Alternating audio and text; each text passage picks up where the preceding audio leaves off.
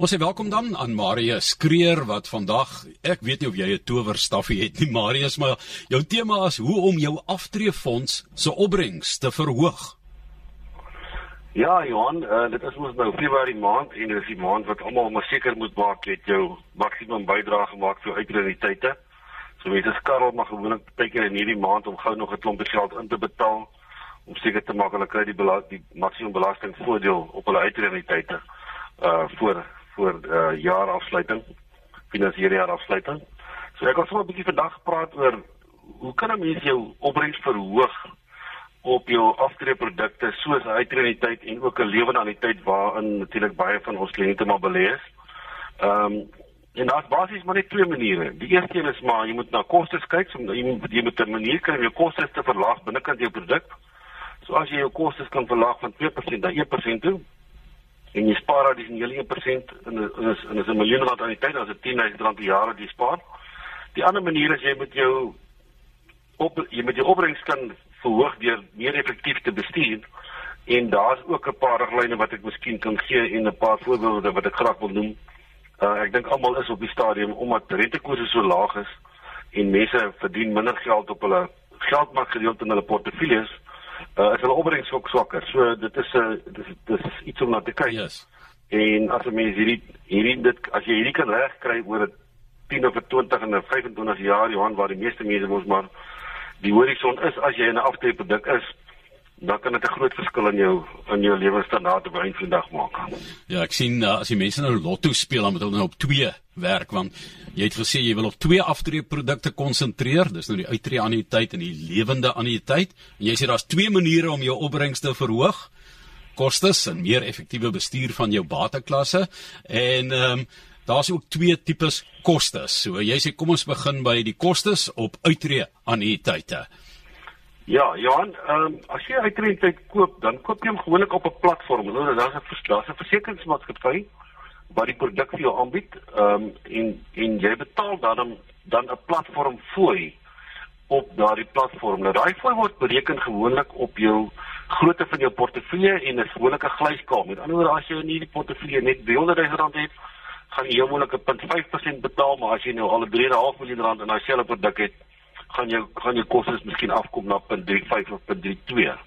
Ehm um, so 'n manier om te sê maar kyk nou kyk na die platform wat jy waar jy is. Is daar nie 'n goedkope platform vir jou nie? Jy kan dieselfde dieselfde bestuur nog hê. Goedkope platform. Die ander ding wat jy moet doen is uh, en ek weet iemand het laasweek daar gepraat sê maar as jy 'n klomp produkte het en jy kan dit saamgooi, daar is baie baie van die platforms se nie name noem nie.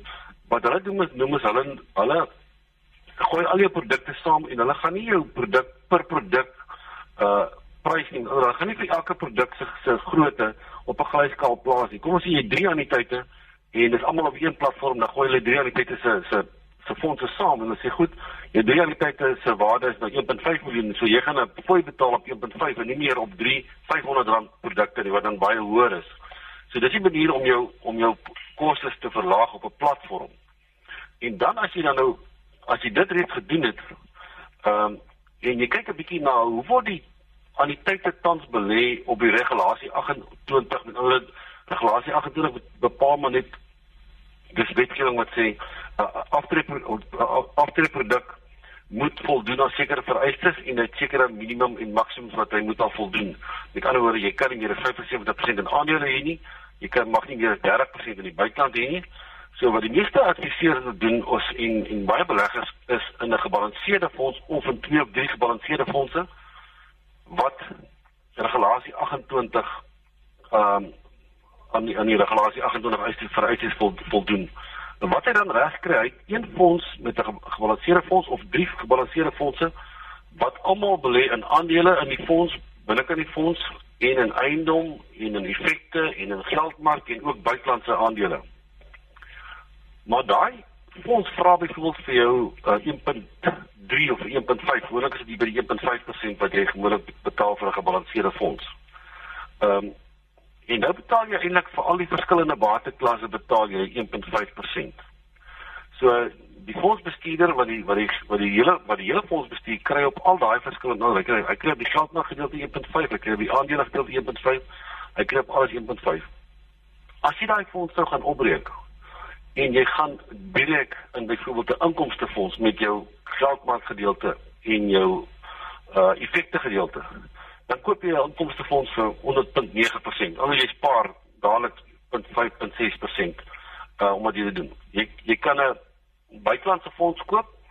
Ehm um, as jy dit direk doen uh vir 1.3%, jy kan ook binnekant hierdie portefeulje kan jy ook ehm um, wat ons noem uh indeksfondse gebruik of die tipiese ETF's, exchange traded funds of of uh, uh fondse wat op die aandelebeurs wat jy kan koop wat spesifieke uh indekse het en daai daai blootstelling gee dan vir jou dieselfde blootstelling as wat jy in jou aandele gedeelte kry uh of selfs in jou effekte. En dit kan jy baie goedkoper doen uh goedkoper as 1%. Ehm um, of jy kan 'n portefeulje saamstel waar al hierdie elemente het in een portefeulje maar jy omdat jy hulle apart koop en jy koop dit in 'n lae prys kan jy eintlik wegkom vir 1% uh, in totaliteit. Ehm um, so ons het, ons ons het so 'n portefeulje wat ons bestuur net so miskien net 'n bietjie daaroor praat. So Johan, wat ek wil sê is jy kan eintlik jou huidige samestelling behou, want jy kan dieselfde bate allocasie bou. Jy kan dieselfde hoeveelheid aandele in jou portefeulje hê, dieselfde hoeveelheid geldmark, effekte ensovoorts, dieselfde hoeveelheid buiteland, maar jy kan dit op 'n goedkoper manier binnekant jou portefeulje koop. En dis dan waar jy op die koste gedeelte dan omtrent omtrent 'n half persent kan spaar wat dan vir jou dan omtrent op 'n miljoen rand uh blootstelling wat jy het of waarde van jou fonds vir 5000 rand per, per jaar gee. Uh natuurlik as jy nou gaan kyk na die lewensaliteite, kan jy presies dieselfde doen. Met ander jy kan jou hele lewenaliteit kan jy in 'n aandeleportefeulje sit binnekant jou lewenaliteit en jy kan 'n klomp ehm um, self spaar deur goedkoper instrumente te gebruik en dieselfde blootstelling te kry en net as jy nou 10 miljoen lewenaliteit het en jy spaar 0.5 dan sit jy met 'n uh, 50000 rand per jaar ehm uh, besparing. So dit is op die koste gedeelte. Met ander woorde, jy kan ander instrumente gebruik wat vir dieselfde blootstelling wil gee wat net 'n goedkoper manier is as wat jy byvoorbeeld net in 'n paar gebalanseerde fondse is. Uh baie baie interessant. Jy heel wat ek dink nogal prikkelende gedagtes genoem. Baie daarvan as jy praat van R5000 moet jy dit projekteer oor 'n tydperk van medium en langtermyn en dan sien jy wat die onsaglike verskil is. Baie keer in 'n maand klink dit vir jou nie, ag, dis nou nie eintlik iets nie. Maar sodra jy dit begin optel en dit eskaleer dan raak dit 'n 'n perd van 'n ander kleur, né? Ja, Johan, um, ons doen altyd wanneer ons 'n kontantvloei doen vir 'n kliënt en nou wys ons vir hom met watter persentasie onttrek hy uit sy lewe na die tyd uit. Uh en ons sê gewoonlik jy, jy moenie meer as 5% trek nie dan wys ons vir hom as hy byvoorbeeld op sy lewenstyd 5% trek en sy termyn wat sy kapitaal sal hou is tipies 43 jaar. Uh as hy 6% trek, dan val daai termyn met plus minus 8 jaar. Met ander woorde, 1% wat hy meer trek oor hierdie termyn, gebruik 8 jaar vir sy kapitaal op. En natuurlik dieselfde na die ander kant toe. As jy addisionele 1% opbrengs kry op jou kapitaal, dan jy jy het amper 8 jaar se kapitaal wat jy meer het op die eie tydperk as gevolg hiervan. So dit dit is 'n dit is regtig iets wat te kyk. Ehm um, en dit wys hoe maar oral jou portfolio skerp maak waar jy kan en as jy dit kan regkry om om ehm um, hierdie besparings te kry op jou platform en in die manier hoe jou portefeulje saamgestel word so sonder sonder dat jy enige iets prys gee met oor jy sien nie ek gaan nou my buitelandse blootstelling sny of ek sny my aandele gedeelte omdat aandele duurder is om te bestuur nie. Jy kan dieselfde blootstelling kry, maar jy kan dit op 'n goedkoper manier kry. En dis hoe jy koste spaar uh op jou produkte op jou lewensduur en op jou. En maar is dit met die met dieselfde bate allocasie kan jy 'n beter opbrengs ook kry. Dit klink asof dit nie moontlik is nie, maar hoe werk dit dan? Ja, met ander woorde, uh nou gaan jy kyk as jy maar goed. Ek het nou hierdie spesifieke fondse wat ek gebruik in my in my portefeulje, dis wat ons dis wat 80% van die mense se geld maar in is uh, in 'n fondse. Met ander woorde, nou hierdie fonds bestaan gewoonlik, daar's gewoonlik gebalanseerde fondse in jou portefeulje en daar's konservatiewe fondse. En nou gee jy die geld vir 'n portefeuljebestuurder wat vir jou in dieselfde fonds geld maak, bestuur uh, ek het dit genoem effekte, eiendom, plaaslike aandele, buitelandse aandele. Sy buitelandse aandeleportefeulje is gewoonlik sy eie maatskappy se buitelandse aandeleportefeulje. Maar as ek as ek moes gaan kies watter buitelandse aandeleportefeulje wil ek hê, wou ek nie daai ene gehad het nie, maar nou kry ek hom omdat hy deel is van die fonds en hy gee vir my die blootstelling, maar dis nie die beste buitelandse fonds wat ek kan kies nie. So weens gaan breek ek daai daai daai waterallokasie wat hy binnekant sy huidige fondse het, gaan breek ek op en sê ek wil spesialiste hê, ek wil meer gekonsentreer wees en ek wil spesialiste hê wat elke gedeelte van my portefeulje bestuur en as ek net 0,2 of 0,3% op elkeen van daai portefeuilles kry omdat ek uh beter fondsbestuurders kies en nie net een persoon kies wat alles alles vir my bestuur nie, dan gaan ek 'n groot verskil op die vandag op my op my portefeulje kry. Ehm um, en dit is presies wat ons ons het ons het gedoen met 'n met navorsing wat ons gedoen het en ons het kry dit tot 2% beter kan doen ehm um, in so 'n portefeulje opbrengsgewys as wat jy dit net in 'n vir een fondsbestuurder gee en sê bestuur vir my sommer alles. Ehm um, en daardie persoon is eintlik maar 'n as ons nou in Engels die woord kan gebruik 'n generalist en elke elke komponent van hom is nie noodwendig die beste wat jy in die mark kan kry nie. Uh en daarom as jy dit gaan opbreek en jy jy bestuur dit op 'n ander manier waar jy spesialis fondse kies of of spesialis bateklasse kies waar jy dan byvoorbeeld ehm um, aandeleportefeulje direk kan bestuur.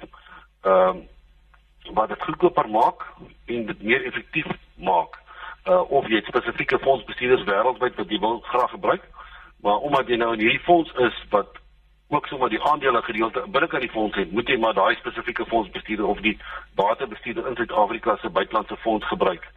En dit is 'n manier hoe jy dan jou opbrengs gaan verbeter op daai totale portefeulje. So uh, so maar jy moet ook die die swakpunte in 'n uh, portefeulje waaroor jy nie beheer het nie, moet jy maar mee saamleef as dit ware dan. Dit is so ja, dit is net so goed ek, ek wil nou um, ek wil nou ek is ek hou van 'n potjie maak en ek hou daarvan van curry, skaap curry te maak en daarvoor gebruik ek baie graag skaap ribbetjie en ek gebruik uh, skenkels. Maar nou gaan koop ek vir my 'n halwe lam en ek betaal vir 'n halwe lam betaal ek R120 per kilo. Maar ek kon hierdie goed individueel gekoop het vir R85. En dit is presies wat jy nou kry daarso want jy sê jy betaal eintlik 'n fondsbestuurder te veel geld om die geldmark gedeelte te bestuur en hy is nie die beste in elke in elke bateklasse te bestuur nie. Party van die goed doen hy dan baie goed, party goed doen hy minder goed. En al wat ek sê is ek wil die beste ek wil die beste doen met elke gedeelte van my portefeulje met my ba elke bateklas. My geldpak gedeelte wil ek vir ou gee wat die beste geld maak kan bestuur. My inkomste gedeelte my my effekte wil ek na vir iemand gee wat die beste effekte bestuur of vir die twee of die drie bestes in die land. Uh wêreldwyd wil ek my aandele gee vir die persone wat die wat aandele wêreldwyd die beste bestuur. Uh en net deur daai bietjie beter te doen op elkeen van daai portefeuilles verhoog jy dan die opbrengs op jou op jou uh portefeulje. Ook ook vir die lewende anniteit. Ook vir die anniteit. Ek dink veral daar omdat jy met baie meer geld sit en die impak soveel groter is as wat jy doen. Ehm um, ons het byvoorbeeld op die uitreintyd het ons 'n regulasie 28 portefeulje gaan bou waar ons uh, gebruik gemaak van uh MS Satrix MSCI World um ETF die beursverhandelde fonds. Um ons het ons gebruik byvoorbeeld um 'n nuwe fond um by die bonds in Suid-Afrika wat ons 'n uh, uh, effekte um fonds het wat baie goedkoper is. So ons het ons het die ons het die uh bateklasse gaan spesialiseer maar ons het hulle ook goedkoper gaan maak in die manier ons die hele uh, portefeulje aan mekaar gesit het. Uh, en ons sien dit. Uh oor 'n jaar maak dit nie 'n verskil nie, maar die oomblik as dit na 3 of 4 of 5 jaar begin gaan, ehm um, al doen hierdie bateklasse presies dieselfde as die as die ander bateklasse. Ehm um, het jy gevolg van die kostes wat jy het, laer kostes het jy klare opbrengs, beter opbrengs en die feit dat jy bietjie spesialiseer binne kan die portefeulje gee vir jou 'n bietjie beter opbrengs per bateklas. Ja, uh, en dit maak 'n verskil op die einde van die dag. Marius, ons praat nou oor spesifieke uh oor 'n spesifieke tema wat wat jy vandag op die tafel het hoe om jou aftreefondse opbrengs te verhoog. Ek meen daar's nog baie ander goed wat inspel. Daar is, jy weet, kapitaalwinsbelasting by dividende. Daar is ehm um, jy weet die toegelate belasbare en wat ook al. Jy weet daar is 'n 100 goed waaroor 'n mens nog kan praat. Ons fokus nou vandag juis oor uh, hoe om jou aftreefondse opbrengs te verhoog en um, jy kyk na twee maniere om die opbrengs te verhoog: koste en meer effektiewe bestuur van jou bateklas. Nou, die kombinasie van laer koste en 'n beter beleggingsopbrengs kan dan vir bestaande en potensiële beleggers oor die langtermyn groot besparings inhou. Dis eintlik die die opsomming van jou gesprek, né? Ja, Johan, ek dink wat 'n mens moet doen is jy moet miskien gaan kyk het ehm uh, wat betaal jy behoorlik individueel vir die individuele fondse wat jy het in jou portefeulje. Uh het jy miskien twee of drie produkte wat jy kan saamgooi uh op een platform wat vir jou jou platform kostes minder maak. Ehm um, is daar 'n manier hoe jy die onderliggende bates wat jy het, jou bateallokasie dieselfde kan hou en na goedkoper instrumente te gaan aan die een kant? En is daar 'n manier om te sê maar as ek spesialiseer in sekere van die van die bateklasse uh en ek het beter beter onderliggende bestuurders vir daai spesifieke gedeelte van my portefeulje, gaan ek dit my kan ek my ehm um, inkomste verbeter of my opbrengs verbeter binne in die portefeulje. Ehm um, en jy weet baie keer betaal 'n persoon betaal hy 'n fooi plus 'n betaal 'n prestasiefooi. En dit maak dan eintlik dat hy nie weet wat hy op 'n insindag gaan betaal nie. Baie van daai prestasiefooie is gekoppel aan 'n baie lae doelwit. Met ander woorde, die, fonds hoef nie baie goed te doen om 'n prestasiefooi te vra nie. So uh ons het in die in die portefeuilles wat ons bestuur het ons met die groot fondsbestuurders hierdie prestasiefooie het ons ehm uh, uit onderhandel met ander ons betaal die prestasiefooie nie. Maar ons het agtergekom dat as jy prestasiefooie betaal wen vandag kan dit opgaan. Party van hierdie aandelefondse as hy 'n bietjie goeie jare en dan kos dit jou 3.2% waar die oorspronklike fonds jou eintlik 1.5% gekos het as gevolg van die prestasie vir wat jy betaal. Nou, baie mense sal redeneer maar jy het omdat ek 'n prestasie vir betaal, sê ek nie omdat ek meer betaal nie. Ehm um, maar die doelwit is is nie dit nie. Die doelwit is die spesifieke fonds het 'n doelwit en die doelwit is gekoppel gewoonlik aan 'n indeks, dit kan die algemene indeks wees van die aandele of dit kan 'n spesifieke effekte verbond indeks wees en die doelwit van daai fonds moet in elk geval wees om dit te, uit te bestee want as jy dit nie kan doen nie, dan kan jy net sowel 'n indeksfonds gaan koop. So uh ek dink prestasiefooi is een van die goed wat wat nogal baie van die opbrengste wegvreet van van mense so mense moet versigtig wees as jy in fondse is wat prestasiefooi vra. Marius Kreer om, om staf te kyk. Marius Kreer ons gas um, RSG Finansies wat aangebied word deur PSG Wealth Silver Lakes George Sentraal in Mosselbaai Dias.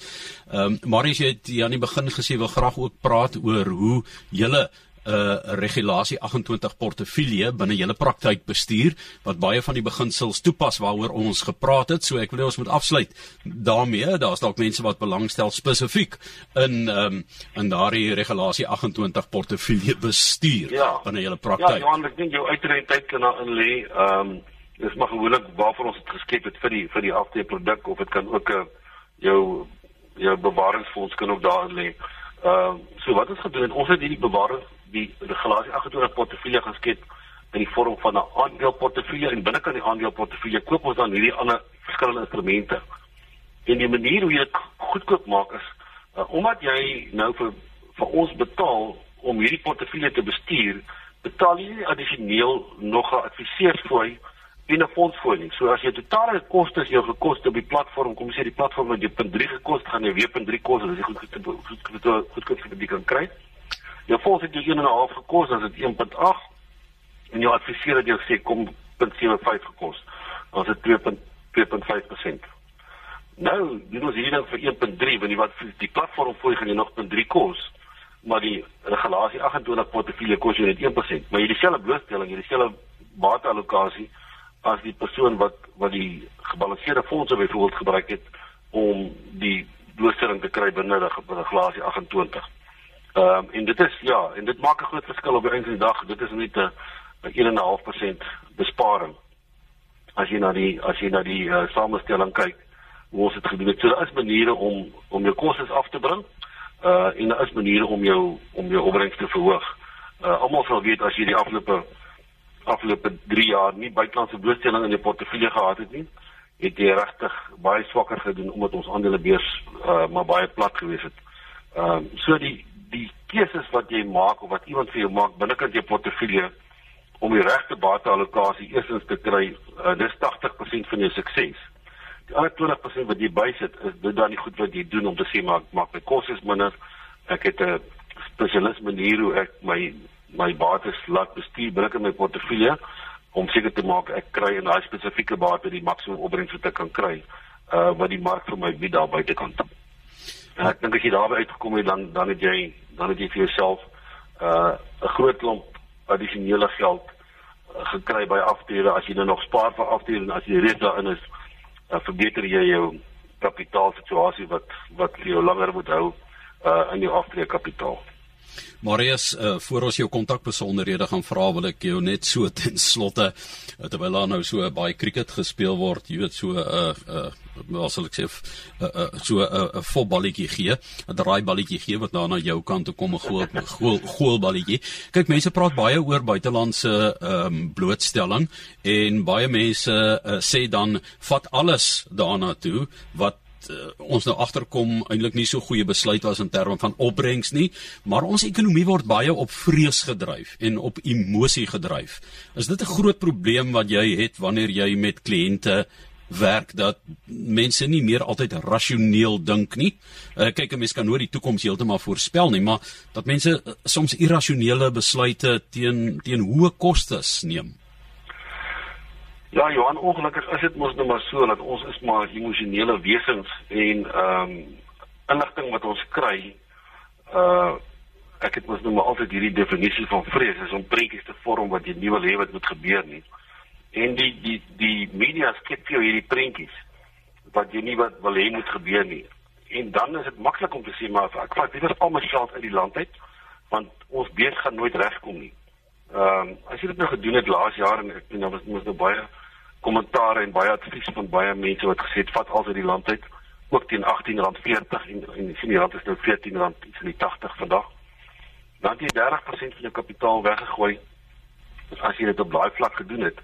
En as jy gedink het ons aandele beurs gaan nooit weer opgaan nie, uh en daarom moet jy nooit weer in hierdie land belê, was jy ook verkeerd geweest. Ek dink ek het van die aandele wat ek self in belees gister is, net vir die dag is 11% op.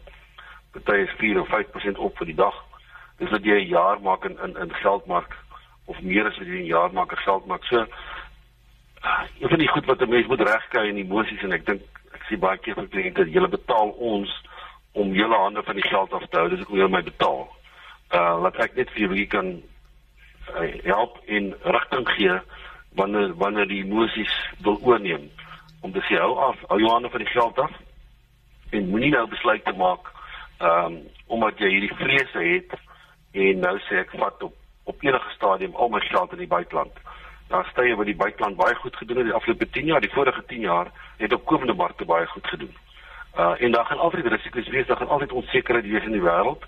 Uh, as jy wag tot die onsekerheid weg is, dan gaan jy nooit enigiets belê nie, gaan nooit iets doen nie. So ek dink dit is 'n 'n baie belangrike ding wat mense wat mense moet onthou is om te sê moenie emosionele besluite maak nie. Moenie jouself besluit jy het geld vir 'n fondsbestuurder gegee omdat jy in die begin gedink het jy het nie al die kennis uh en so voort jy maar nou jy beskiklik het jy 'n kenner geword. Die oomblik toe daar bietjie bloed in die straat is het jy besluit maar jy weet nou beter. Jy gaan nou besluit om self te maak. En dit is baie keer die verkeerde besluit